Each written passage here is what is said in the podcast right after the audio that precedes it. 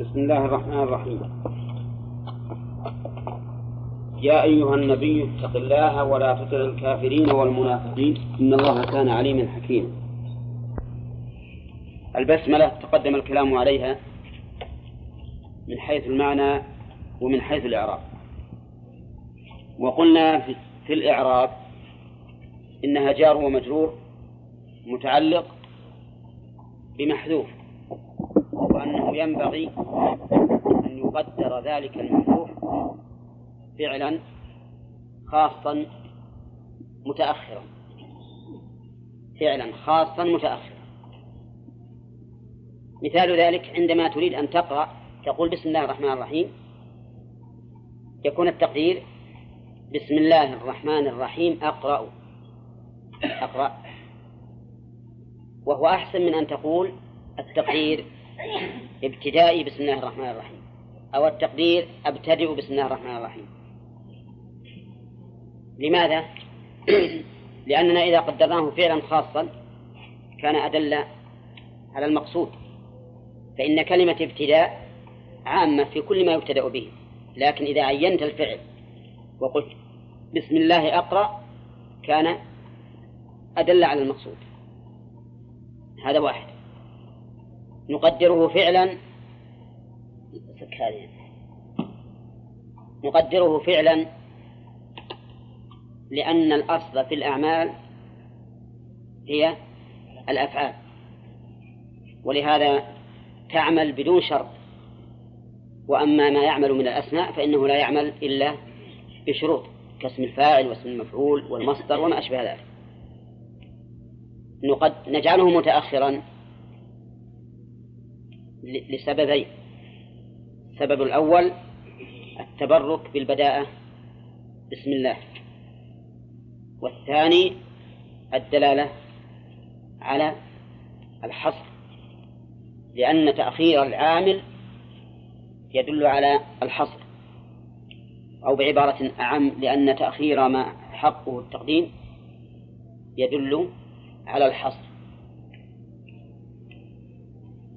إذن نقول في البسملة كلما جاءت متعلقة بماذا؟ بمحذوف ويقدر هذا المحذوف فعلا خاصا متأخرا طيب عندما تريد أن تتوضأ كيف نقدر؟ ها؟ بسم الله أتوضأ عندما يريد الإنسان أن يذبح ذبيحة يقول التقدير بسم الله أذبح. وعلى هذا فقس. يقول بسم الله الرحمن الرحيم. وهنا اسم مضاف إلى الله وهو مفرد فيفيد العموم. ولهذا قدره الشراح بأن المعنى بكل اسم من أسماء الله. والاسم مأخوذ من السمو وهو الارتفاع وقيل من السمة وهي العلامة. ولو قيل بأنه مأخوذ من, من هذا وهذا لم يكن بعيدا. لأنه يظهر المسمى فيكون فيه معنى الارتفاع. ولأنه يميزه فيكون فيه معنى العلامة. وأسماء الله تعالى تقدم الكلام عليها في درس التوحيد لا حاجة إلى الكلام عليها هنا. الله علم على ذات الله سبحانه وتعالى وهو أصل الأعلام. أسماء الله كما نعرف أعلام وأوصاف لكن أصلها كلمة الله ولهذا تأتي الأسماء دائما تبعا لها فهي الأصل.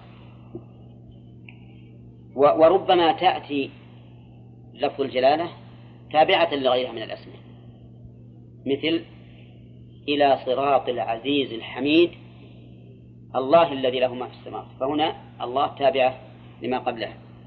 وقوله الرحمن الرحيم. اسمان مشتقان من من الرحمة. لكن الأول منهما يدل على الرحمة باعتبارها وصفا لله والثاني يدل على الرحمة باعتبارها فعلا له. فهو رحمن وهو رحيم متصف بالرحمة وفاعل للرحمة يعني أنه سبحانه وتعالى مع كونه رحيما فإنه يرحم. وهذا الذي قررته هو ما قرره ابن القيم رحمه الله في الفرق بين الرحمن وبين الرحيم. وإن كان بعض العلماء يفرق بينهما بأن الرحمن ذو الرحمة العامة والرحيم ذو الرحمة الخاصة. ويقول إنه يدل على ذلك قوله تعالى وكان بالمؤمنين رحيما لكن المعنى الذي أشار إليه ابن القيم أبلغ وأحسن ولهذا جاءت الرحمن على وزن فعلان. وهذا الوزن يدل غالبا على السعة والامتلاء. فهو سبحانه وتعالى واسع الرحمة وهو سبحانه وتعالى يرحم من يشاء كما قال تعالى يؤدب من يشاء ويرحم من يشاء. والبسملة يؤتى يعني البسملة آية من آيات الله من كتاب الله. آية من كتاب الله. تأتي في مبتدأ كل سورة. إلا في سورة براءة. فإنه ليس فيها بسملة. وذكر ذكر أهل العلم أن سبب سقوط البسملة في براءة أن الصحابة رضي الله عنهم أشكل عليهم هل هي من سورة الأنفال أو هي سورة مستقلة فجعلوا بينهما فاصل فاصلا ولم يكتبوا بسم الله الرحمن الرحيم. وهذا واضح لكن أوضح منه أنه لو كانت البسملة قد نزلت بين سورة الأنفال وبراءة لا لم يمكن أن تسقط. لأن الله تعالى يقول إنا نحن نزلنا الذكر وإنا له لحافظون. لكن لما أشكل على الصحابة هل هي مستقلة براءة أو من سورة الأنفال وضعوا الفاصل فقط. قال الله تعالى يا أيها النبي اتق الله النداء هنا للنبي صلى الله عليه وسلم بوصفه نبيا. وقد يناديه الله تعالى بوصفه رسولا. فيخاطبه سبحانه وتعالى بوصفه رسولا في مقام الرسالة كما في قوله يا أيها الرسول بلغ ما أنزل إليك من ربك. والنبي مشتق. نعم. أصلها النبي. وقيل أصلها النبي بالواو. النبي. فعلى القول الأول يكون مشتقا من النبأ. وأبدلت الهمزة بالياء تخفيفا. وعلى القول الثاني يشتق يكون مشتقا من النبوة وهي الارتفاع. ولا شك أن مقام النبوة أنه مقام رفيع وأن النبي مخبر ومخبر أيضا. فهو فعيل بمعنى فاعل وبمعنى مفعول. يقول الله تعالى يا أيها النبي والمراد به نبينا محمد صلى الله عليه وسلم يقول اتق الله اتق الله دم على تقواه. صرفها المؤلف عن ظاهر لفظها لأن لأنك إذا أمرت أحدا بشيء فالأصل أنه غير متلبس به. فإذا قلت يا فلان قم فهل هو قائم؟ ولا لا. لا هذا هو الأصل. الأصل أن الأمر إنشاء إنشاء ما لم يكن.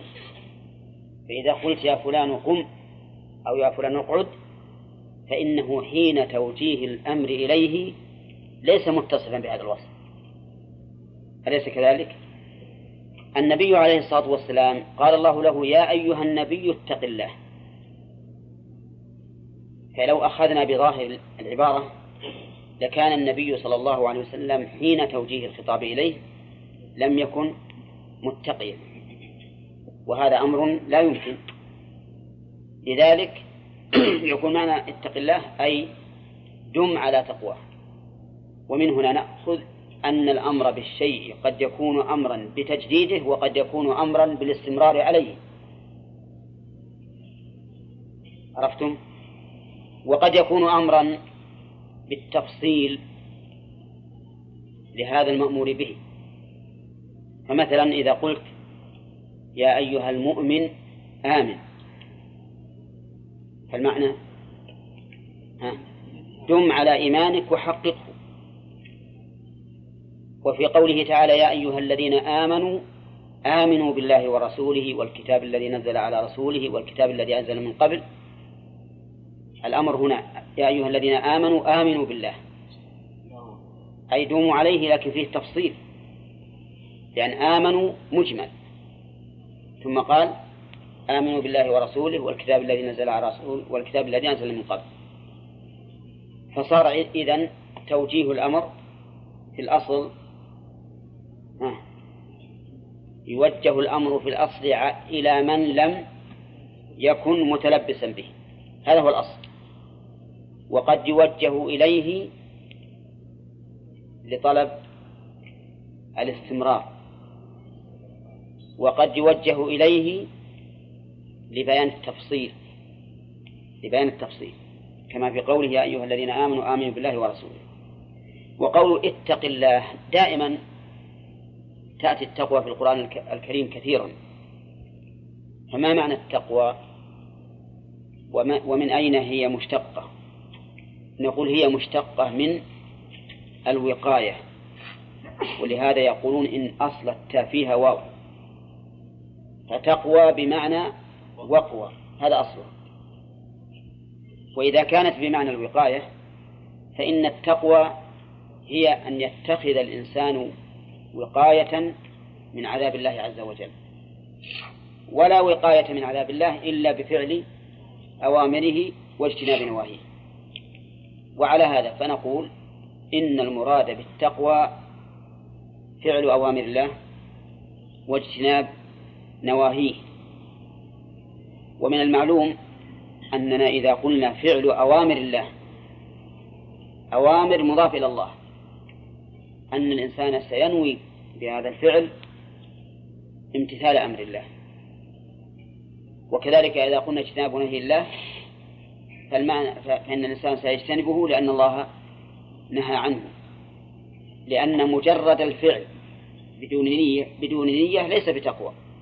ومجرد الترك بدون نية ليس بتقوى. لكن لما كان الفعل والترك مضافا إلى الله صار صار لا بد فيه من من النية.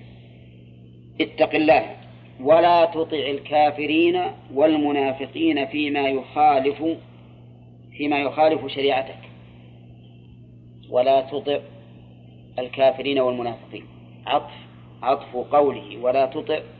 على اتق الله من باب عطف الخاص على العام.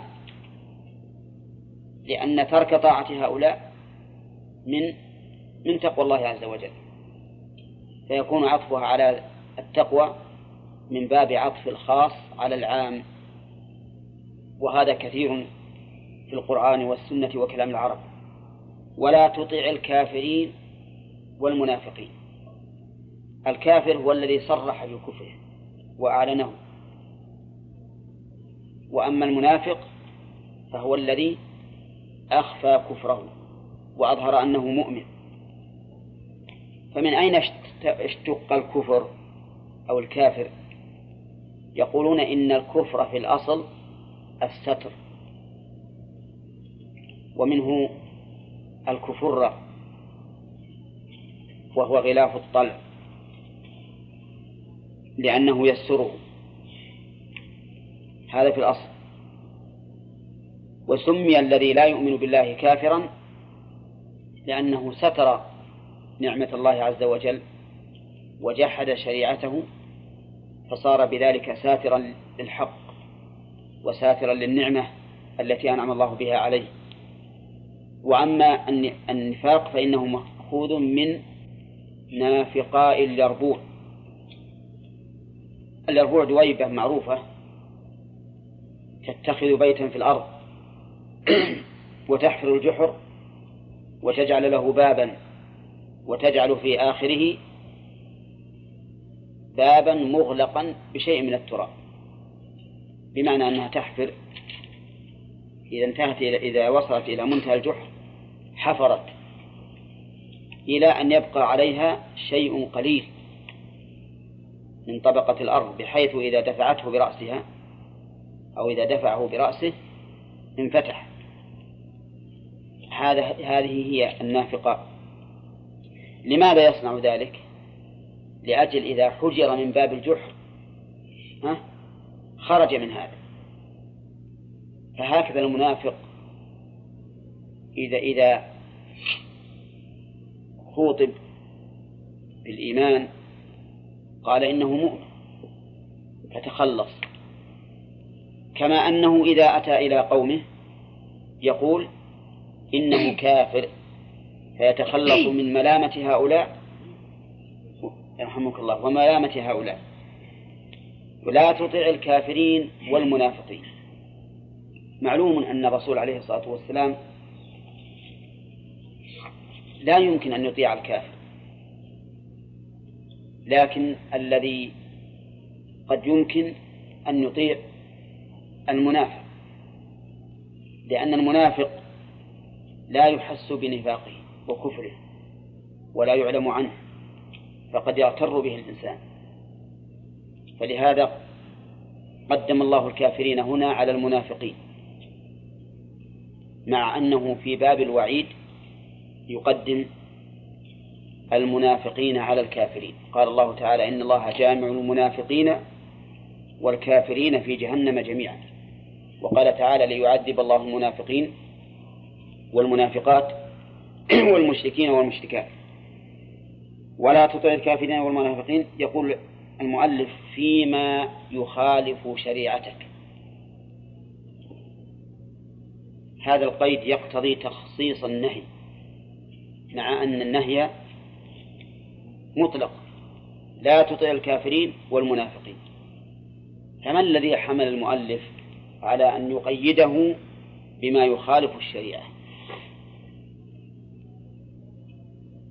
حمله على ذلك لأنه لو فرض أن الكافر أو المنافق أمر بما يوافق الشريعة لكان لزاما علينا أن أن نطيعه لا لأنه أمر ولكن لأن هذا مقتضى الشريعة. لأن هذا هو مقتضى الشريعة. هذا وجه. وجه آخر هو أن يقال إن تقييد المؤلف ذلك بيان بيان للواقع. لأن الكافر والمنافق لعداوتهما لشريعة النبي صلى الله صلى الله عليه وسلم. لا يمكن أن يأمر إلا بما يخالف الشريعة. فيكون هذا القيد بيانا للواقع والقيد الذي يكون بيانا للواقع لا يقيد لأنه لا يراد. وأظن أن في ذلك أمثلة. مرت علينا كثيرا. فمن يأتي لي بمثال يكون فيه القيد بيانا للواقع وغير وغير مراد. إلى شيء لا ينفعه ولكن هذا بيان للواقع. وقوله تعالى يا أيها الناس اعبدوا ربكم الذي خلقكم والذين من قبلكم لعلكم تتقون. فإن قوله الذي خلقكم والذين من قبلكم قيد مبين للواقع. وليس المعنى أن هناك ربا لم يخلق وربا خلق. واضح؟ الأمثلة في هذا كثيرة فهنا يمكن أن نحمل كلام المؤلف في قوله فيما يخالف شريعتك على أنه بيان للواقع وهو أن الكافر والمنافق لا يمكن أن يأمر إلا بما يخالف الشريعة لأنه لأن الكافر كافر بها والمنافق أيضا كافر بها لكنه يظهر الإيمان. ثم قال إن الله كان عليما بما يكون قبل كونه حكيما فيما يخلقه. إن الله كان عليما حكيما. هذه الجملة محلها مما قبل أو موضعها مما قبلها في المعنى.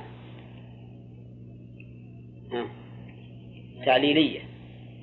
تعليلية. ووجه كونها تعليلا لما قبلها أن الله لما أمر نبيه صلى الله عليه وسلم بالتقوى ونهاه عن طاعة الكافرين بين أن هذا الأمر والنهي صادر عن علم وحكمة وأنه سبحانه وتعالى أعلم بما يكيده هؤلاء الأعداء من الكفار والمنافقين فلا تطعهم فليسوا أهل نصح لك أبدا. وقول إن الله كان عليما بما يكون قبل كونه هل هذا التقييد صحيح؟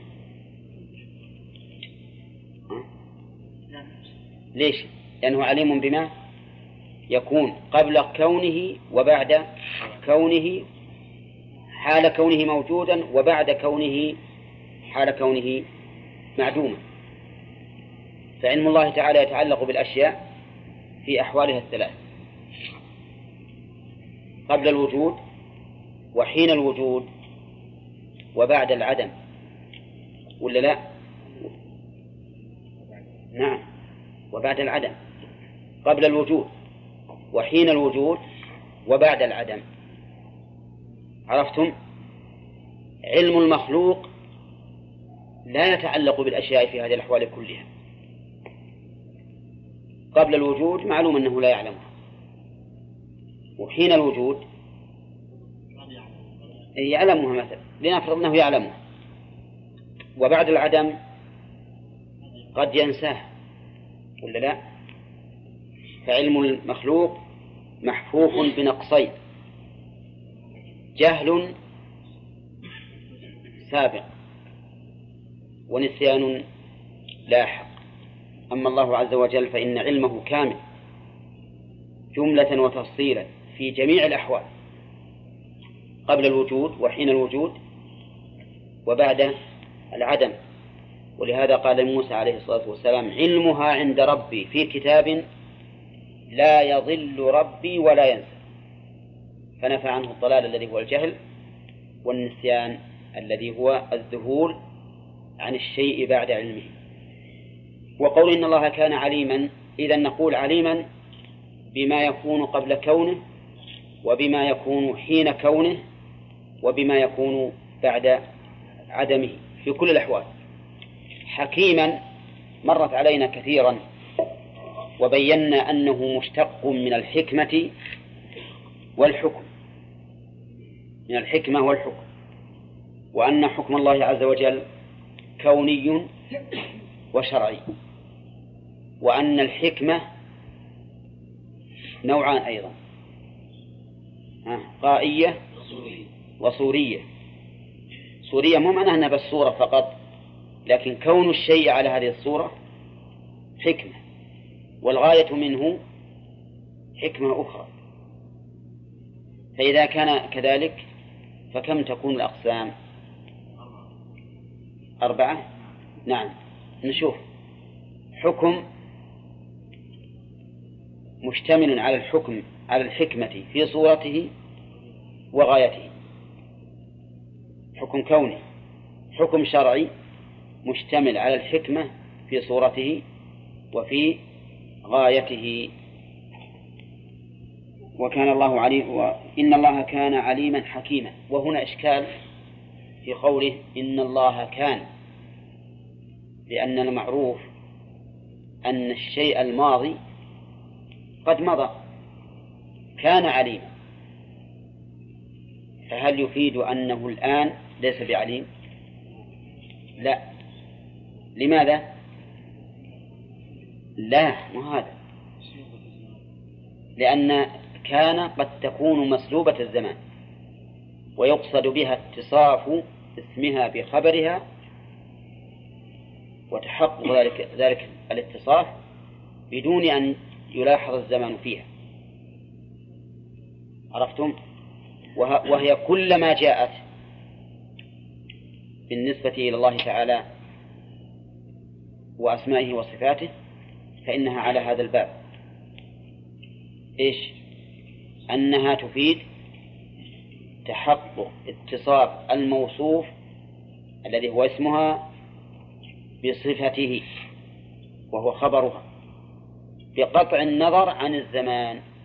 فعليه نقول إن الفعل هنا مسلوب الزمان. يعني لم يزل ولا يزال عليما حكيما. طيب العلم والحكمة من الصفات الذاتية أو الفعلية؟ ها؟ من الصفات الذاتية. لأن الله لم يزل ولا يزال عليما ولم يزل ولا يزال حكيما. الله أعلم. ربك إن الله كان عليما إن الله كان بما يعملون خبيرا. لا يعملون حسب النسخة اللي عندي. واتبع ما يوحى إليك من ربك. نقول في اتبع ما يوحى إليك كما كما قلنا في اتق الله. يعني استمر على اتباعه. واتباع ما يوحى إلى النبي صلى الله عليه وسلم بالنسبة للرسول عليه الصلاة والسلام يشمل اتباعه بالتبليغ واتباعه بالدعوة واتباعه بالعمل. لأن النبي عليه الصلاة والسلام مأمور بالأمور الثلاثة. مأمور بتبليغه وبالدعوة إليه وبالعمل به. وقول ما يوحى إليك الوحي في الأصل الإعلام بسرعة وخفاء. الإعلام بسرعة وخفاء يسمى وحيا. والمراد به هنا إبلاغ النبي صلى الله عليه وسلم إبلاغ النبي صلى الله عليه وسلم ما شرعه الله سبحانه وتعالى سواء كان بواسطة أو بغير واسطة. ومعلوم أن إبلاغ إبلاغ الله سبحانه وتعالى لنبيه صلى الله عليه وسلم الوحي ظاهر أو لا؟ هو ظاهر للناس؟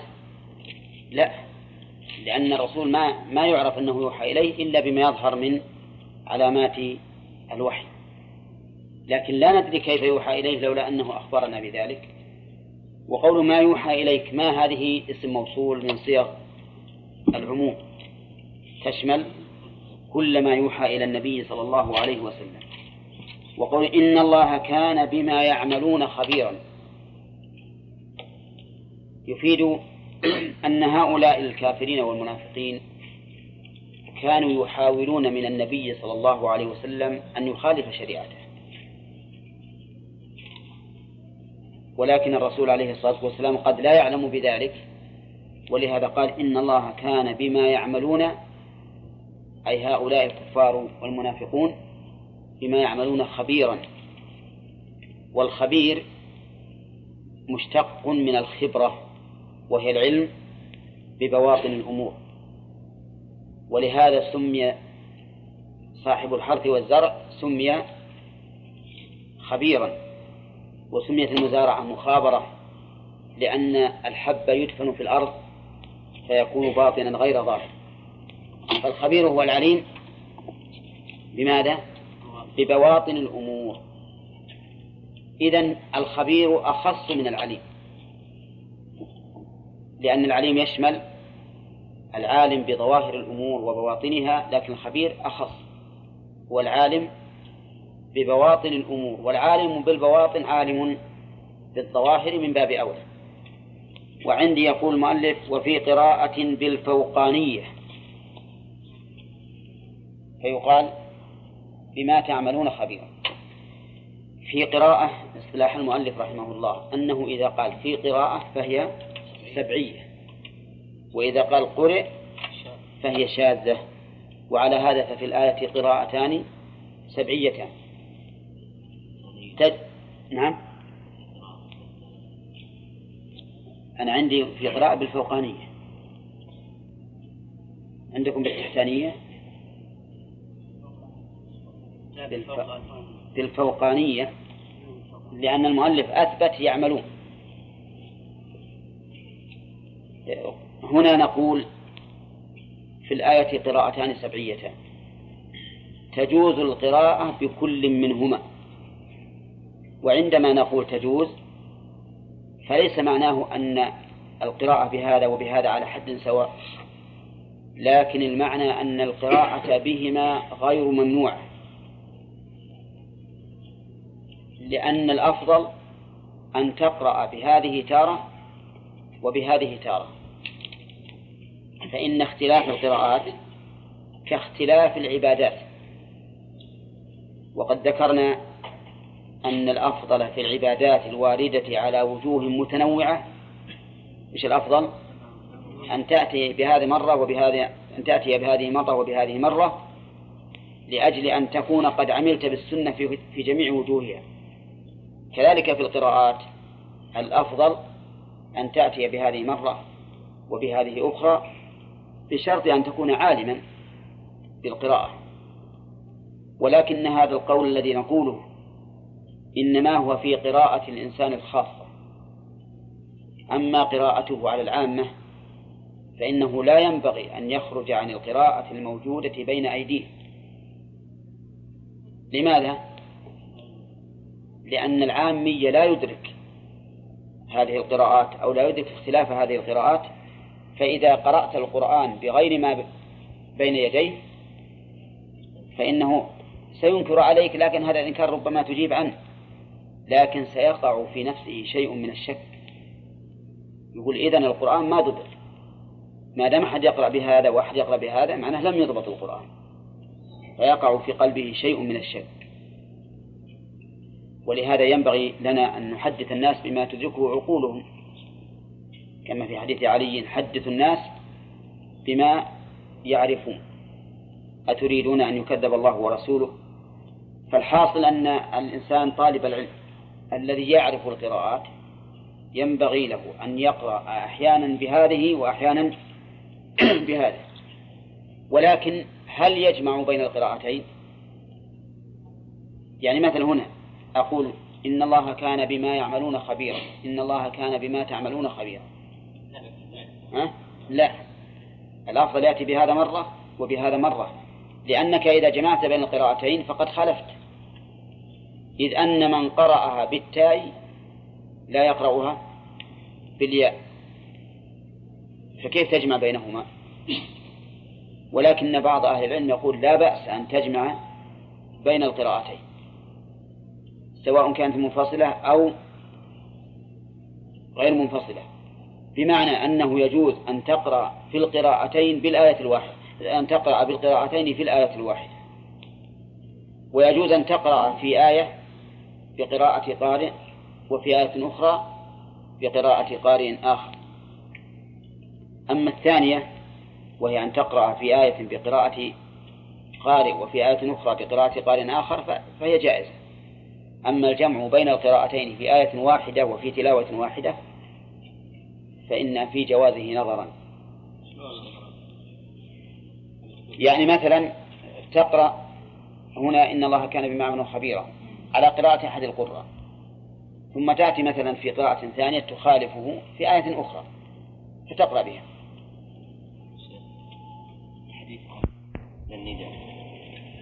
من النداء له. هل مجرد النداء يعتبر تعظيما؟ ها؟ لا. نعم. أحسنت من من ندائه بوصف النبوة.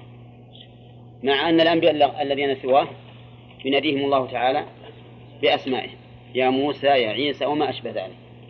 أما النبي عليه الصلاة والسلام ما نداه إلا بوصف النبوة أو الرسالة. فإن قلت أليس الله قد قال وما محمد إلا رسول قد خلت من قبله الرسل؟ وقال محمد رسول الله والذين معه. اشتولى إسماعيل. نعم. نعم. هذا ليس مقام نداء وخطاب لكنه مقام خبر. طيب. ويستفاد من الآية الكريمة وجوب التقوى.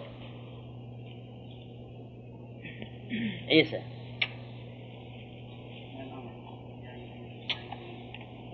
اتق الله. نعم. ويستفاد منها وجوب التقوى على الأمة. نعم. على الأمة نعم. إذا كان الرسول عليه الصلاة والسلام يؤمر بالتقوى فغيره من باب أولى. هذا وجه وجه آخر.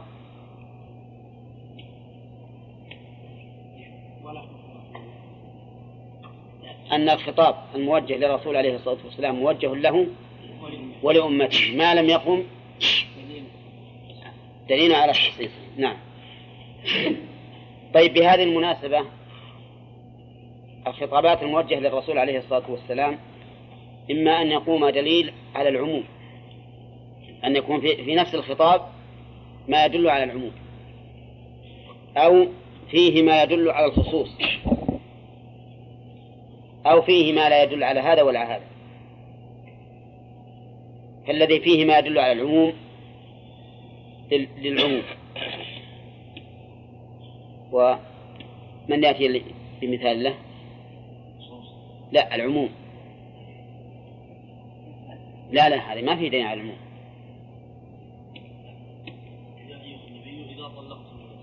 نعم. يا أيها النبي إذا طلقتم النساء فطلقوهن لعدتهن. أو فيه ما يدل على الخصوص؟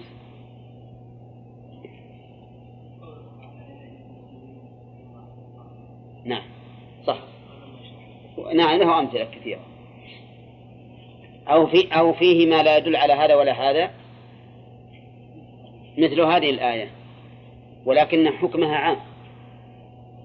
حكمها عام للنبي صلى الله عليه وسلم ولأمته.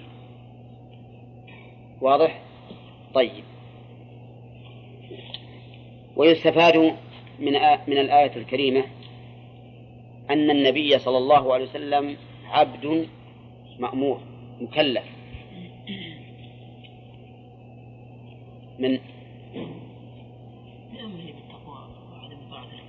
نعم. أحسنت لأمره بالتقوى وعدم إطاعة الكافرين والمنافقين. ويستفاد من ذلك أن الإنسان مهما بلغ من المرتبة فإن التكاليف لا تسقط عنه.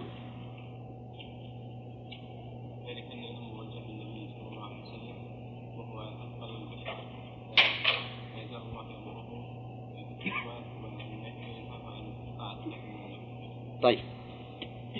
وعلى هذا فيستفاد يتفرع على هذه الفائدة بيان ضلال أولئك الصوفية الذين يقولون إن الإنسان إذا وصل إلى درجة المعاينة سقطت عنه التكاليف. ولا لا؟ لأن نقول لا أحد يبلغ مرتبة النبي صلى الله عليه وسلم عند الله عز وجل. ومع ذلك لم تسقط عنه التكاليف. فإن قالوا إن الله يقول واعبد ربك حتى يأتيك اليقين. يعني حتى تصل إلى درجة اليقين ثم تنتهي عن العبادة. فبماذا نجيبهم؟ المراد طيب هل عندك دليل على أن اليقين هو الموت؟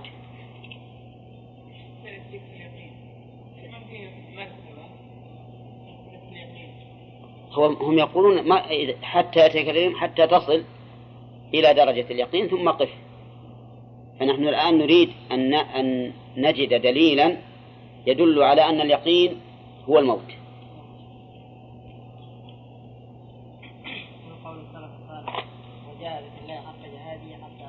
لا لا لا. هذا قول سلف. نبي ما كتابه من السنة. نعم. قولهم أي أصحاب الجحيم. نعم. وكنا نكذب بيوم الدين. ها؟ حتى أتانا اليقين. أتاهم اليقين يعني أنهم وصلوا إلى درجة اليقين. ها؟ أبدا. ماتوا على التكذيب. ولا ولم يصلوا إلى درجة اليقين. وإذا كان هؤلاء يقولون إننا وصلنا إلى درجة يقين يكونون به من أصحاب الجحيم فنحن ها؟ نوافقهم على ذلك. واضح؟ طيب ويستفاد من الآية الكريمة تحريم طاعة الكافرين والمنافقين والركون إليه بقوله ولا تطع الكافرين والمنافقين. ويستفاد منها أن الكافر والمنافق لا يمكن أن يكون ناصحا للمؤمنين أبدا. نعم. نعم يا غانم. نعم. ولو كان يمكن أن يكون فيهم نصح ما نهى عن طاعتهم مطلقا نعم. لأن الناصح يطاع. طيب. ويستفاد من الآية الكريمة إثبات اسمين من أسماء الله وهما العليم والحكيم. والسؤال الآن هل علم الله عز وجل خاص بالماضي والحاضر أو شامل؟ محمد. طيب سؤال لم يرد في, في الشرح. هل علم الله عز وجل متعلق بالواجب أو بالمستحيل أو بالممكن أو بالجميع؟ نعم. نعم واما شرعا فقد يكون واجبا وقد يكون ممكنا وقد يكون ممكن يكون في السماوات والأرض آلهة غير الله؟ ها؟ غير ممكن. ومن وكذلك ما اتخذ الله من ولد وما كان معه من إله. إذا لذهب كل إله بما خلق ولعلى بعضهم على بعض. سبحان الله عما يصفون. هذا هذا المستحيل طيب بالواجب مثال تعلق علم الله بالواجب.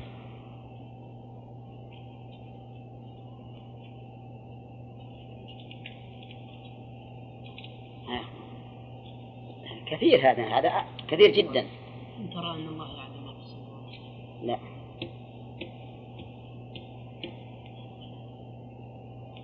يعلم ما بين يا إخواني كل ما أخبر الله به عن نفسه فهو من العلم بالواجب لأن لأن الله يجب له صفات الكمال.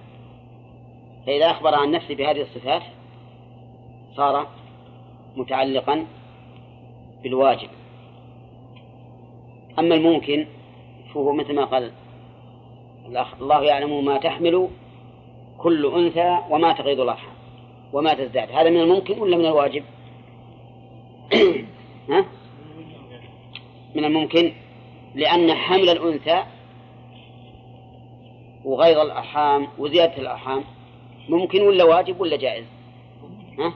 ممكن إذا فصار علم الله شامل لكل شيء جملة وتفصيلا حاضرا ومستقبلا وماضيا واجبا وممكنا وجائزا. ولهذا يقول السفاري في عقيدته والعلم والكلام قد تعلق بكل شيء يا خليلي مطلقا. نعم؟ طيب. نعم. ها؟ الواجب عندهم ضد المستحيل والممكن لأنهم عند لأنهم يقولون على الأشياء ثلاثة ثلاثة أمور. إما واجبة يعني لا بد من وجودها. ما هو بالواجب اللي يثاب فاعله ويستحق العقاب تاركه؟ الواجب الذي لا بد منه. والمستحيل الذي لا يمكن. والممكن الذي جائز الوقوع وعدمه. طيب. ويستفاد من الآية الكريمة وجوب وجوب اتباع ما أنزل على النبي صلى الله عليه وسلم.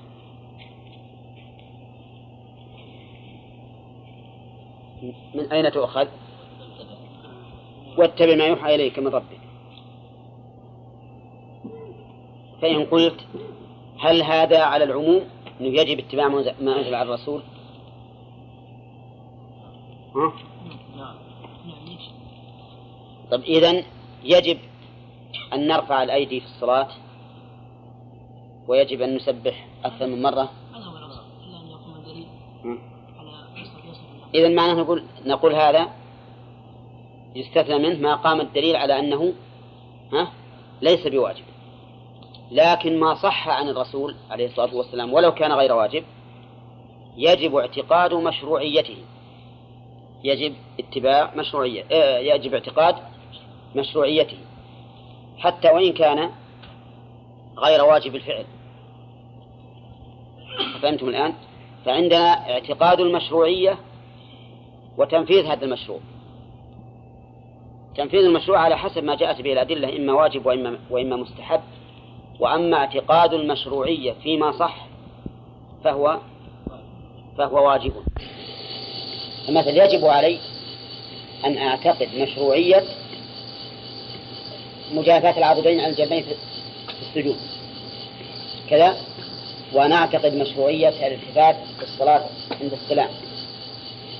لكن فعل ذلك يتوقف على الأدلة التفصيلية. إن دلت الأدلة على وجوبه فهو واجب وإن دلت على أنه مستحب فهو مستحب. نعم. ويستفاد من الآية الكريمة ثبوت رسالة النبي صلى الله عليه وسلم ونبوته. نعم. بقول ما يوحى إليك من ربك ومن أول الآية يا أيها النبي. نعم. ويستفاد من الآية الكريمة أن أن لله تعالى ربوبية خاصة بالنسبة إلى الرسول عليه الصلاة والسلام. لقوله من ربك وقد مر علينا كثيرا بأن الربوبية نوعان والعبودية نوعان. ربوبية عامة وربوبية خاصة. فمثال الربوبية العامة قوله تعالى رب السماوات والأرض وما بينهما هذه عامة ولا خاصة؟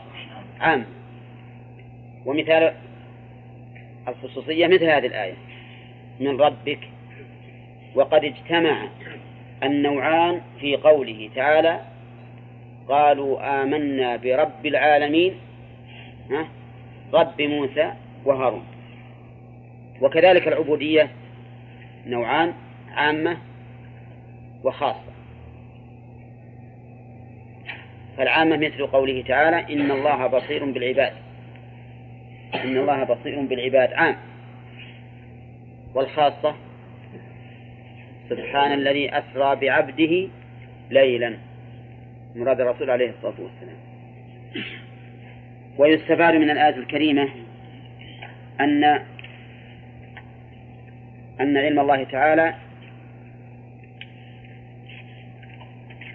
شامل للأمور الباطنة لقوله إن الله كان بما تعملون خبيرا. ويستفاد منها تحذير الإنسان من المخالفة.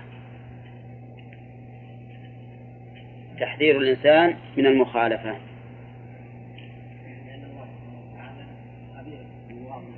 إذا كان سبحانه وتعالى يعلم الأمور لا. نقول تحذير الإنسان من المخالفة ها؟ عمد تحذير الله يعلم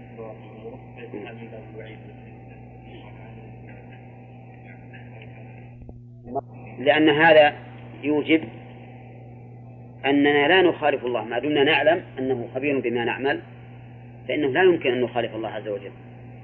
واضح؟ مثل ما لو قلت مثلا اذهب وأنا أعلم ما تفعل. وش المراد بهذا؟ التهديد والتحذير من المخالفة فكل نص يبين الله فيه أنه يعمل يعلم ما نعمل فهو تحذير لنا من مخالفته. تجي هنا يا غانم لأن ما في أحد. توكل على الله في أمرك وكفى بالله وكيلا حافظا لك.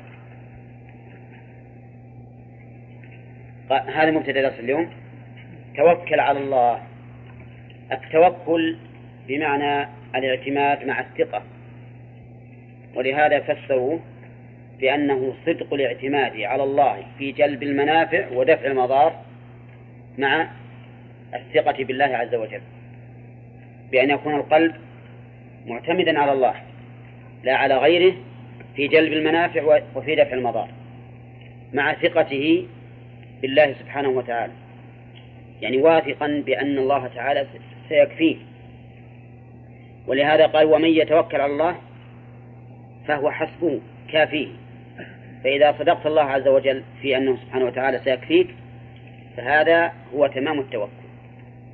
وقول التوكل على الله جاءت هذه في القرآن في عدة مواضع. ومنه قوله تعالى فاعبده وتوكل عليه. وعلى الله فتوكلوا. وعلى هذا فيكون التوكل من العبادة لأن الله تعالى أمر به وما أمر الله به شرعا فهو من العبادة. وسيأتي إن شاء الله تعالى في الفوائد أقسام التوكل. وقوله وكفى بالله وكيلا الباء يقول أهل الإعراب إنها زائدة لتحسين اللفظ وأن لفظ الجلالة هو الفاعل والتقدير وكفى الله شهيدا وشهيدا وكيلا ووكيلا حال حال من الفاعل. والمعنى ما أعظم كفاية الله تعالى ما أعظم كفاية الله تعالى في هذا الشيء. إن كان وكفى بالله شهيدا فهو ما أعظم كفاية الله تعالى في شهادته. أقول إذا فيه آيات وكفى بالله شهيدا المعنى ما أعظم كفاية الله في شهادته. وكفى بالله وكيلا ما أعظم نعم كفاية الله في وكالته. وقوله وكيلا يقول المؤلف حافظا لك. وعلى هذا ففعيل هنا بمعنى فاعل. فعيل بمعنى فاعل. وليست بمعنى مفعول. لأن الوكيل إذا قلت وكلت هذا الوكيل فإن وكيلا بمعنى مفعول. لأنه موكل. لكن هنا بمعنى فاعل أي أنه حافظ. فالاعتماد من الإنسان والحماية والحفظ من الله. ويدل لتفسير المؤلف قوله تعالى ومن يتوكل على الله فهو حسبه أي كافيه وسوف يقوم سبحانه وتعالى بحفظه وبتحقيق ما توكل به عليه. قال المؤلف وأمته تبع له في ذلك كله إنما قال هذا لأن الخطاب في الآيات موجه لمن؟ للنبي صلى الله عليه وسلم. فأمته تبع له. من أين علمنا أن أمته تبع له؟ علمنا ذلك من طريقين أو من أحد طريقين. الطريق الأول أن الله أمرنا بالتأسي به. فكل أمر موجه للرسول صلى الله عليه وسلم لا يدل الدليل على تخصيصه به فهو لنا أيضا. نحن مأمورون باتباعه. لقد كان لكم في رسول الله أسوة حسنة لمن كان يرجو الله واليوم الآخر. ثانيا أنه من المعروف في الخطاب أن الخطاب الموجه إلى المتبوع نعم خطاب له ولتابعه. ولهذا يقول مثلا يقول القائد لضابط الجيش اذهب إلى المكان الفلاني. هل هو يريد اذهب أنت بنفسك ولا أنت بمن تبعك؟ أنت بمن تبعك. فالخطاب في اللغة العربية إذا وجه للمتبوع فهو له وللتابع. فصار وجه كون الأمة تبعا. للرسول صلى الله عليه وسلم في هذه الأوامر وما تضمنته من النهي وجه ذلك أو له طريقان. الطريق الأول أننا أمرنا باتباع الرسول صلى الله, صلى الله عليه وسلم والطريق الثاني أن الخطاب الموجه للمتبوع له ولتابعه ثم قال الله تعالى ما جعل الله لرجل من قلبين في جوفه. ما نافية. ولفظ الجلالة فاعل. ومن قلبين مفعول جعل. مفعول جعل. الأول ولا الثاني الثاني مؤخر. ومفعول آه الأول مؤخر. ومفعولها الثاني قوله لرجل ومن هنا نقول إنها زائدة من حيث الإعراب. زائدة من حيث الإعراب. فنعرب قلبين على أنها مفعول به. منصوب. وعلامة نصبه. هذه المشكلة. فتحة ما يمكن. يا الياء موجودة آه. ياء مقدرة على هذه الياء التي جلبت لماذا؟ جلبت لحركة للحرف لأن عمل الأداة الظاهر الظاهرة أقوى من عمل الأداة اللي غير غير باطن يعني مثلا جعل تنصب قلبين لكن تعرض لها أو عارضها بالأصح. عارضها عامل أقوى مباشر. وهو حرف الجر. فيقولون إن الياء هذه ليست ياء النصب. ولكنها ياء حرف الجر الزائد. وعلى هذا فنقول علامة نصبه ياء مقدرة. في مكان الياء التي الموجودة التي اجتلبت من أجل حرف الجر الزائد.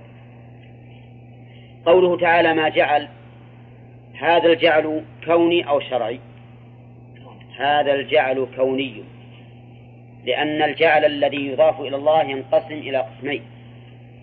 جعل شرعي بمعنى ما شرع وجعل كوني بمعنى ما خلق. حطوا بالك مثال الجعل الشرعي. قوله تعالى ما جعل الله من بحيرة ولا سائبة. هذا جعل شرعي. وش الدليل؟ الدليل أنه كونا واقع مجعول لكنه شرعا لم يجعل. ما جعل الله من بحيرة ولا سائبة. وأما الجعل الكوني فهو كثير. مثل قوله تعالى وجعلناكم أكثر نفيرا وجعلنا الليل لباسا وجعلنا النهار معاشا. وفي هذه الآية الكريمة ما جعل الله لرجل من قلبين من أيهما؟ من الكون. ما جعل الله لرجل من قلبين. وأكد الله هذا النفي بحرف الجر الزائد لأن الحروف الزوائد من أدوات التوكيد. إذا محال أن يكون في الإنسان قلبان في الإنسان الواحد قلبان محال ولكن هل هل هذه الجملة مرادة لذاتها أو مرادة لغيرها؟ يرى المؤلف وجماعة من علماء التفسير أنها مرادة لذاتها وأنها نفي لأمر قد ادعي. ولهذا قال ردا على من قال من الكفار إنه إن له قلبين يعقل بكل منهما أفضل أفضل من عقل محمد صلى الله عليه وسلم. هذا ما ذهب إليه جماعة من من من أهل العلم. يعني أن هذا أمر نفي لأمر ادعي وهو رجل من الكفار يقول إن له قلبين. وإذا كان له قلبان كان له عقلان. وإذا كان له عقلان كان أفضل من من النبي صلى الله عليه وسلم. لأنه ما له إلا قلب واحد. وذهب بعض المفسرين وعلى رأسهم الزهري رحمه الله إلى أن هذه الجملة ليست مقصودة لذاتها لأنها أمر معلوم. أنه ما لإنسان ليس لإنسان قلبان لكنها توطئة وتمهيد لما يأتي بعدها. لأنه ذكر في الآية الكريمة ثلاثة أشياء. ما جعل الله لرجل من قلبين في جوفه وما جعل أزواجكم اللائي تظاهرون منهن أمهاتكم وما جعل أدعياءكم أبناءكم. فكما أنكم تقرون بأنه لا قلب لا قلبين لرجل في جوفه. فكذلك ليست الزوجة أما لأن الله لم يجعل للإنسان أمين كما أنه ليس له قلبان. وكذلك لا ليس هناك ابن غير حقيقي. يعني ما ليس للإنسان ابن خلق من مائه وابن نسب إليه ولم يخلق من مائه بل إن أب بل إن ابنك من خلق من مائك. واضح؟ وهذا ما اختاره ابن كثير رحمه الله. على أن هذه الجملة توطئة. لأن انتفاء القلبين في الجوف, في الجوف الواحد أمر معلوم.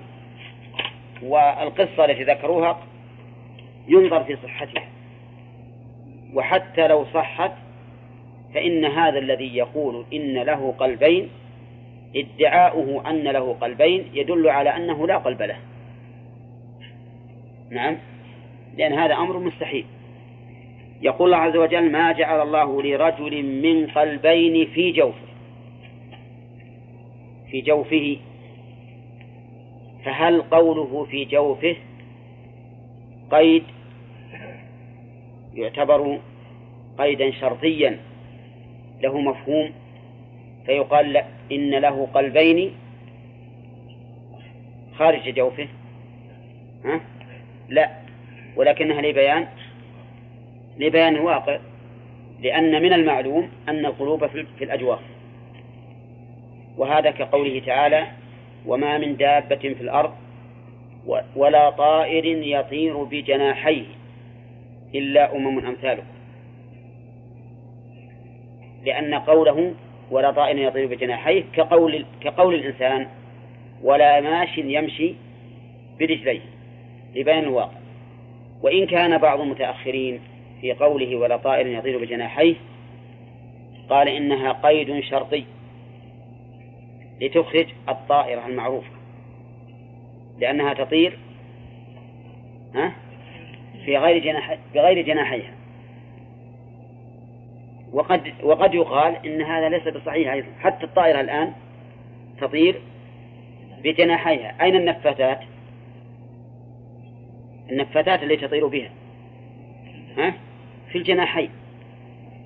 والمراوح اللي كانت في الأول في نفس الجناحين. لكن لا شك أن الطائرة ما هي من الأمم التي هي أمثالها بل هي من صنعنا طيب إذا قوله تعالى في جوفه لبيان إيش؟ الواقع. وما جعل أزواجكم اللائي يقول بهمز وياء وبلا ياء. طيب بهمز وياء. اللائي وبلا ياء. يعني بهمز بلا ياء. تكون اللائي. واللائي كما نعرف جميعا جمع ها؟ جمع لإيش؟ جمع التي ولا لا؟ فهي مثل الذين في الذكور. جمع. نعم. طيب اللائي يقول عندي تظهرون بلا ألف قبل الهاء وبها والتاء الثانية في الأصل مدغمة في الضاء تظهرون. هذه قراءة. والثاني يقول آه، بلا ألف قبل الهاء. وبها يعني بألف قبل الهاء. وش تكون؟ تظاهرون. هذه قراءة هذه قراءتان وإلى الآن ما جاء المؤلف بالقراءة التي المشهورة عندنا وهي تظاهرون فيكون في الآتي ثلاث قراءات تظاهرون تظاهرون. نعم. والثالثة تظاهرون وتظاهرون وتظهرون يقول إن الضاء في الأصل المدامة نعم. في الضاء التاء مدامة في الضاء. وأصل تتظاهرون. أو تتظهرون لكن صارت تظهرون أدغمت التاء في الضاء. ما معنى تظاهرون منهن؟ أي تقولون إنهن عليكم كظهور أمهاتكم. وهذه صيغة طلاق في الجاهلية. إذا أراد الإنسان أن يطلق امرأته طلاقا بائنا قال لها أنت علي كظهر أمي فتطلق طلاقا بائنا لأن ظهر أمه لا يحل له بحال من الأحوال. وخص الظهر لأنه محل الركوب. والإنسان يركب زوجته أو تركبه. نعم. أي نعم يركبها لأنها فراش كما قال الرسول عليه الصلاة والسلام. طيب إذا تظاهرون وش معنى تظاهرون؟ أي تقولون لهن ها أنتم علينا كظهر أمنا. وهذه الجملة تعتبر أو يعتبرها أهل الجاهلية نعم طلاقا بائنا أما في الإسلام فليست بطلاق. ما هي في الإسلام؟ ظهار يعني أنها موجبة لتحريم المرأة حتى يفعل الإنسان ما أمره الله به كما في سورة المجادلة. تظاهرون منهن بقول بقول الواحد مثلا لزوجته أنت علي كظهر أمي. قال بقول الواحد مثلا ويمكن أن يقول غير هذه العبارة؟ يمكن أن يقول أنت علي كظهر أختي. ويمكن أن يقول أنت علي كبطن أمي. فالعبرة بالمعنى لا بالصيغة. وقد مر علينا في كتاب الظهار أنه هو أن أن يشبه الرجل زوجته بمن تحرم عليه تحريما مؤبدا. بنسب أو سبب مباح. المهم تحريما مؤبدا.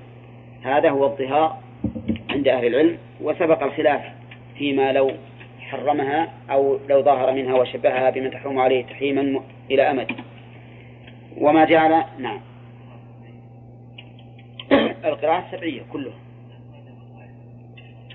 هو لو قال هو القراءة السبعية تارة يحله على هذا وهذا بدون أن يقول وفي قراءة. وتارة يقول وفي قراءة. يقول بقول الرجل مثلا لزوجته أنت عليك ظهر أمي أمهاتكم. أمهاتكم وش اللي نصبها. جعل. أين المفعول الأول؟ أزواجكم. واللائي صفتها متظاهرون صلة الموصول وأمهاتكم. المفعول الثاني. أمهاتكم أي كالأمهات في تحريمها بذلك المعد في الجاهلية طلاقا وإنما تجب به الكفارة بشرطه كما ذكر في سورة المجادلة. نعم في الإسلام ليس بطلاق ولكنه تحريم تجب به الكفارة بشرطه وهو العود. لقول الله تعالى ثم يعودون لما قالوا فتحرير الرقبة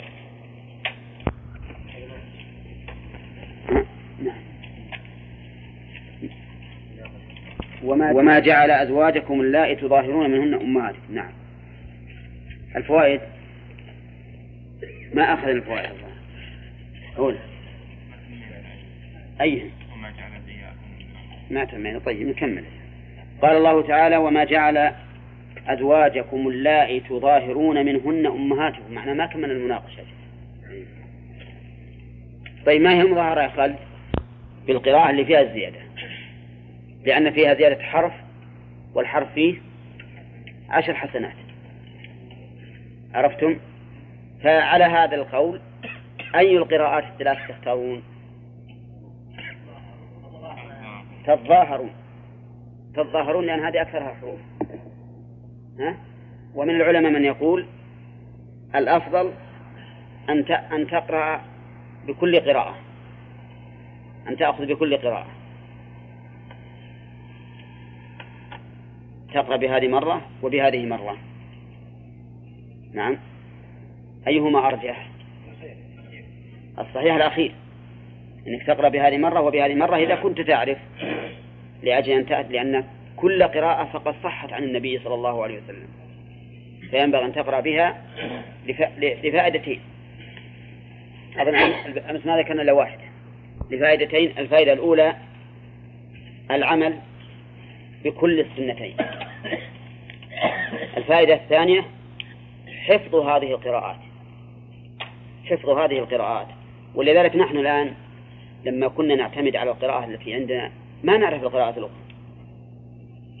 فإذا كان الإنسان إذا قيل للإنسان ينبغي لك أن تقرأ بكل قراءة صحة نعم فإن هذا يكون فيه حفظ للقراءات ولهذا ينبغي للصغار منا والعاد الكبار صعب عليهم الحفظ لكن الصغار ينبغي لهم أن يحرصوا على القراءات وأن يتعلموها.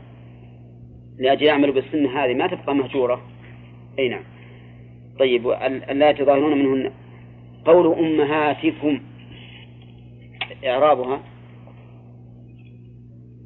نعم الرحمن أبناءكم. قال المؤلف جمع دعي وهو من يدعى لغير أبيه ابنا له. أدعياء جمع دعي. كأغنياء جمع غني. وأكفياء جمع كفي. ولها ولها أمثلة. ودعي فعيل بمعنى مفعول. وأصلها دعي بالواو لكن قلبت الواو ياء لعلة تصريفية. إذا دعي بمعنى مدعو والدعاء في الأصل طلب الإقبال. والمراد بالدعاء هنا النسبة بأن ينسب إلى غير أبيه. فيقال هذا ابن فلان. وليس ابنا له حقيقة. هؤلاء الأدعياء ما جعلهم الله تعالى أبناء. شرعا أو قدرا؟ وقدرا. لا شرعا ولا قدرا. أما لا قدرا فواضح. ما هو أبناء قدرا. وأما شرعا فهنا نفى الله عنه نفاه. قال وما جعل أدعياءكم أبناءكم. فإذا كان الأدعياء ليسوا أبناء لا قدرا ولا شرعا فإنه لا يرد الذهن أو لا يتوجه الذهن إليهم شرعا. لا يتوجه الذهن إليهم شرعا. هذه الكلمة التي أقولها يتبين بها ضعف قول من يقول. ما أخذ الفوائد؟ الله قول أي ما تم طيب نكمل. قال الله تعالى وما جعل أزواجكم اللائي تظاهرون منهن أمهاتكم. معنى ما كمل المناقشة. أننا لو أخذنا بنيته لكان معنى ذلك أننا أبطلنا الحكم الشرعي إلى الحكم الجاهل طيب في في قوله تظاهر اللاتي تظاهرون في قوله اللات وما جاء أزواجكم اللائي فيها قراءتان. تظاهرون. تظاهرون لأن هذه أكثرها حروف. ها؟ ومن العلماء من يقول الأفضل أن أن تقرأ بكل قراءة. أن تأخذ بكل قراءة. تقرأ بهذه مرة وبهذه مرة. نعم. أيهما أرجح الصحيح الأخير. أنك تقرأ بهذه مرة وبهذه مرة إذا كنت تعرف.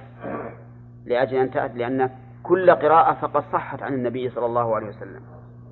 فينبغي أن تقرأ بها لفائدتين. أظن أمس ما ذكرنا إلا واحدة لفائدتين الفائدة الأولى العمل بكل السنتين. الفائدة الثانية حفظ هذه القراءات. حفظ هذه القراءات. ولذلك نحن الآن لما كنا نعتمد على القراءة التي عندنا ما نعرف القراءات الأخرى. فإذا كان الإنسان إذا قيل للإنسان ينبغي لك أن تقرأ بكل قراءة فقط نعم فإن هذا يكون فيه حفظ للقراءات. ولهذا ينبغي للصغار منا والعادة الكبار صعب عليهم الحفظ. لكن الصغار ينبغي لهم أن يحرصوا على القراءات وأن يتعلموها. لأجل يعملوا بالسنة هذه ما تبقى مهجورة. أي نعم. طيب ألا يتظاهرون منهن قول أمهاتكم إعرابها وما جعل أدعياءكم أبناءكم. قال المؤلف جمع دعي وهو من يدعى لغير أبيه ابنا له. أدعياء جمع دعي كأغنياء جمع غني وأكفياء جمع كفي ولها ولها أمثلة. ودعي فعيل بمعنى مفعول. وأصلها دعي بالواو لكن قلبت الواو ياء لعلة تصريفية. إذا دعي بمعنى مدعو والدعاء في الأصل طلب الإقبال. والمراد بالدعاء هنا النسبة بأن ينسب إلى غير أبيه. فيقال هذا ابن فلان وليس ابنا له حقيقة. هؤلاء الأدعياء ما جعلهم الله تعالى أبناء. شرعا أو قدرا؟ وقدرا. لا شرعا ولا قدرا. أما لا قدرا فواضح. أنه ما هو أبناء قدرا. وأما شرعا فهنا نفى الله عنه نفاه قال وما جعل أدعياءكم أبناءكم. فإذا كان الأدعياء ليسوا أبناء لا قدرا ولا شرعا فإنه لا يرد الذهن أو لا يتوجه الذهن إليهم شرعا. لا يتوجه الذهن إليهم شرعا. هذه الكلمة التي أقولها يتبين بها ضعف قول من يقول.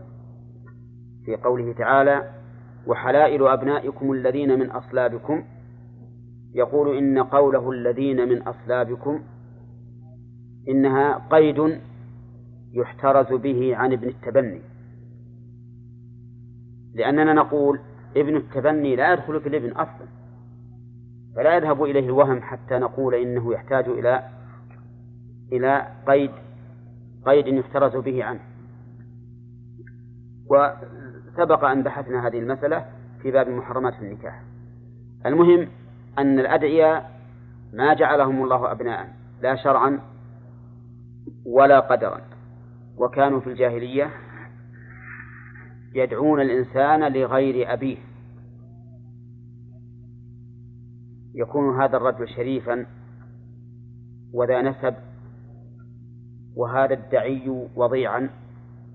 نسبه عند الناس ليس بذاك الشيء أو ليس له نسب معلوم. فيدعى إلى هذا الأب من أجل رفعته. من أجل رفعته. فأبطل الله ذلك. لأن دعوة الإنسان إلى غير أبيه يترتب عليها أمور. كل ما يترتب على النسب من تحريم وتحليل وإرث ونفقات وغيرها كلها ربما تنتقل إلى إلى هذا الدعي بسبب أنه دعي إلى هذا الرجل. فلذلك منع الله تعالى ذلك شرعا. لأن تسمية الشيء بغير بشيء أو باسم بعيد عن حقيقته هذا يوجب أن تنقلب الأوضاع. حتى أن الرسول عليه الصلاة والسلام قال لا تغلبنكم الأعراب على تسميتكم على تسمية على صلاتكم العشاء. يدعونها العتمة وهي تعتم بإبلها. وإنما هي في كتاب الله العشاء. فكل الأشياء التي ربما إذا سميت باسم آخر ربما تختلف أحكامها فإنها فإن الشرع نهانا وما جعل أدعياءكم أبناءكم حقيقة. ذال نعم حقيقة تفسير لأبناء. يعني ما جعلهم أبناء على وجه الحقيقة. ذلكم قولكم بأفواهكم. أي اليهود والمنافقين. ذلكم المؤلف يريد أن يكون الخطاب هنا. نعم. لليهود والمنافقين. والصواب أنه عائد لكل من دعا شخصا لغير أبيه من الأدعياء سواء كان من المنافقين أو من اليهود أو من المشركين أو من المسلمين. فإن هذا قول يقوله الإنسان بفيه وليس حقيقة هو نفسه يعلم أن هذا الدعية ليس ابنا لهذا المدعو إليه. فكيف يقول ما, ما يعتقد أن الأمر بخلافه؟ وقول ذلكم أتى بضمير الجمع في الخطاب لأن المخاطبين ها جماعة. وقد مر علينا في اسم الإشارة. أن اسم الإشارة يراعى به المشار إليه. والكاف يراعى بها. المخاطب. يراعى بها المخاطب. هنا المشار إليه مفرد مذكر. وهو دعوة الرجل إلى غير أبيه. والمخاطبون جماعة جماعة الذكور. نعم. نعم. نعم. هذه نبي نتكلم عليها في الفوائد إن شاء الله تعالى. ذلكم قولكم بأفواهكم. يعني تقولونه بألسنتكم وأنتم تعرفون الحقيقة أنها ليست ها؟ ليست كذلك. قال الله قال المؤلف رحمه الله آه، أي اليهود. أي اليهود أي اليهود والمنافقين. ليش جعلها بالياء؟ لأنها تفسير لقوله قولكم. الكاف وهي مجرورة. قالوا لما تزوج النبي صلى الله عليه وسلم زينب بنت جحش التي كانت امرأة زيد بن حارثة الذي تبناه النبي صلى الله عليه وسلم قالوا تزوج محمد امرأة ابنه فأكذبهم الله تعالى في ذلك. ها؟ قالوا. قالوا تزوج. أي أي اليهود المنافقين طيب كلام المؤلف بعيد من ظاهر الآية. لأن كلام المؤلف يقول إنهم إنهم بعد أن تزوج النبي عليه الصلاة والسلام زينب بنت جحش وكانت في الأول عند زيد بن حارثة قالوا هذا القول والآية ما فيها إشارة للقصة إطلاقا إنما الآية يتحدث الله فيها عن عن إيش؟ ها؟ عن ابن التبني ما فيها ما تحدث الله تعالى ولا أشار إلى تزوج الرجل بزوجة ابنه الذي تبناه لكن هذه ستأتينا إن شاء الله في الآية في القصة فالصواب أن أن أن الآية إنما هي في نسبة الإنسان إلى غير أبيه تبنيا. والله يقول الحق في ذلك وهو يهدي السبيل سبيل الحق. والله يقول الحق. المؤلف قيدها فقال في ذلك والصواب عدم القيد. حتى وإن كان السبب هو هذا. لأن العبرة بعموم اللفظ لا بخصوص السبب. ما هو الحق الذي يقوله الله عز وجل فيما يقوله؟ فسره الله تعالى في القرآن نفسه. فقال وتمت كلمة ربك صدقا وعدلا. هذا هو الحق الذي يقول الله عز وجل. صدق في الأخبار وعدل في الأحكام. فكل ما قاله الله عز وجل فهو دائر بين أمرين إما خبر وإما حكم. فالخبر أحقيته الصدق والحكم أحقيته العدل. خير ما يفسر به القرآن القرآن. ولهذا إذا قال قائل ما هو الحق في قول الله؟ نقول الحق في قول الله هو ما ذكره الله تعالى في قوله وتمت كلمة ربك صدقا وعدلا. وقوله وهو يهدي السبيل وهو يهدي السبيل لم يقل ويهدي السبيل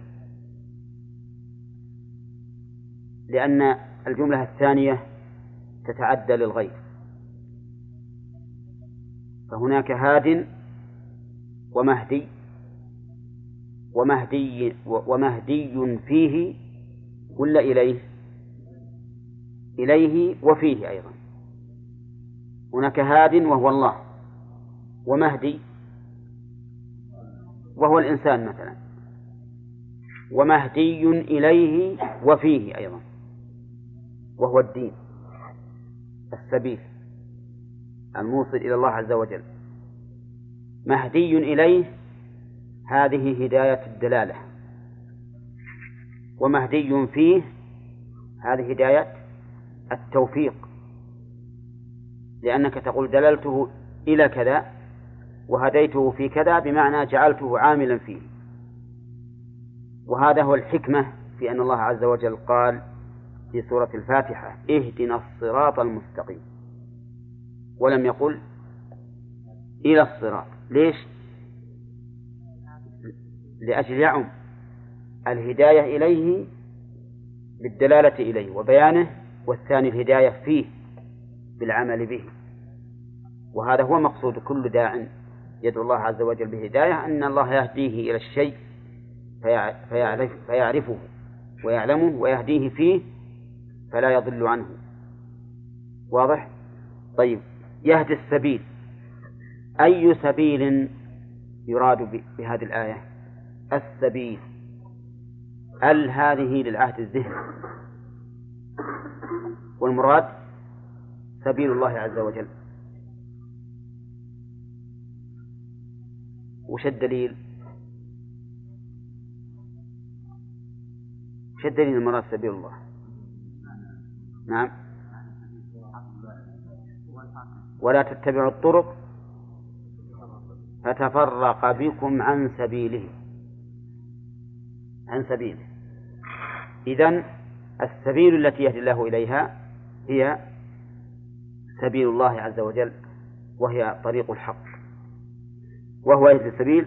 ومن ومن جملة ذلك من جملة ذلك أنه سبحانه وتعالى لم يجعل الزوجات اللاتي يظاهر منهن أزواجهن لم يجعلهن أمهات ولم يجعل الأدعياء أبناء. فقال الحق في ذلك وهدانا السبيل في ذلك. فالزوجة زوجة والابن الدعي ليس ابنا. والله يقول حتى ادعوهم لآبائهم. قال المؤلف في التفسير لكن ادعوهم لآبائهم. لماذا أتى بالاستدراك؟ لكن ادعوهم لآبائهم. في ظن أنه لا حاجة للاستدراك وأن الجملة استئنافية. لما أبطل الله سبحانه وتعالى أن يكون هؤلاء الأدعياء أبناء أمر ها بأن ندعوهم إلى لآبائهم. وكأن المؤلف رحمه الله لما كانت الآية الثانية ادعوهم لآبائهم لما كانت غير مقابلة لما نفاه الله بالأول. يعني ما جعل أرياءكم أبناءكم لكن جعلهم أبناء آبائهم فادعوهم لآبائهم. رأى رحمه الله أن هذا هو وجه الاستدراك. وما جعل أدعياءكم أبناءكم لكن جعلهم أبناء لآبائهم فادعوهم لآبائهم نقول هذا لا حاجة إليه فالجملة استئنافية. ادعوهم لآبائهم أي انسبوهم لآبائهم. فقولوا يا ابن فلان. قولوا يا ابن فلان. وكلمة آبائهم جمع أب. هل المراد بالجمع هنا باعتبار المدعوين؟ يعني لأنهم الناس كثيرون. لأن الناس كثيرون. أو أن المراد آباؤهم بالنسبة لكل شخص بمعنى أن الإنسان ينسب إلى أبيه وجده وأبي جده وهكذا. نعم. أو شامل للأمرين هو شامل للأمرين فالإنسان يدعى به يقال فلان ابن فلان ابن فلان. الرسول عليه الصلاة والسلام محمد ابن عبد الله ابن عبد المطلب. بل إنه عليه الصلاة والسلام قال أنا أنا ابن عبد المطلب. ومحمد عندنا الألفية قال محمد وهو شو اسمه؟ محمد بن عبد الله أبوه عبد الله عبد الله. فهو فيما فيما يظهر أنه شامل يعني أنه جمع باعتبار أفراد الناس وجمع باعتبار الآباء لأن الآباء أب أدنى وأب فوقه. قال هو أقسط عند الله. هو. الضمير يعود على المصدر المفهوم من قوله ادعوهم. ادعوهم. أي هو أي دعاؤهم. وهذا نظير قوله تعالى اعدلوا. هو أقرب للتقوى. هو أي العدل المفهوم من الفعل. فهنا هو أي دعاؤهم لآبائهم أقسط عند الله. أي أعدل. أعدل عند الله.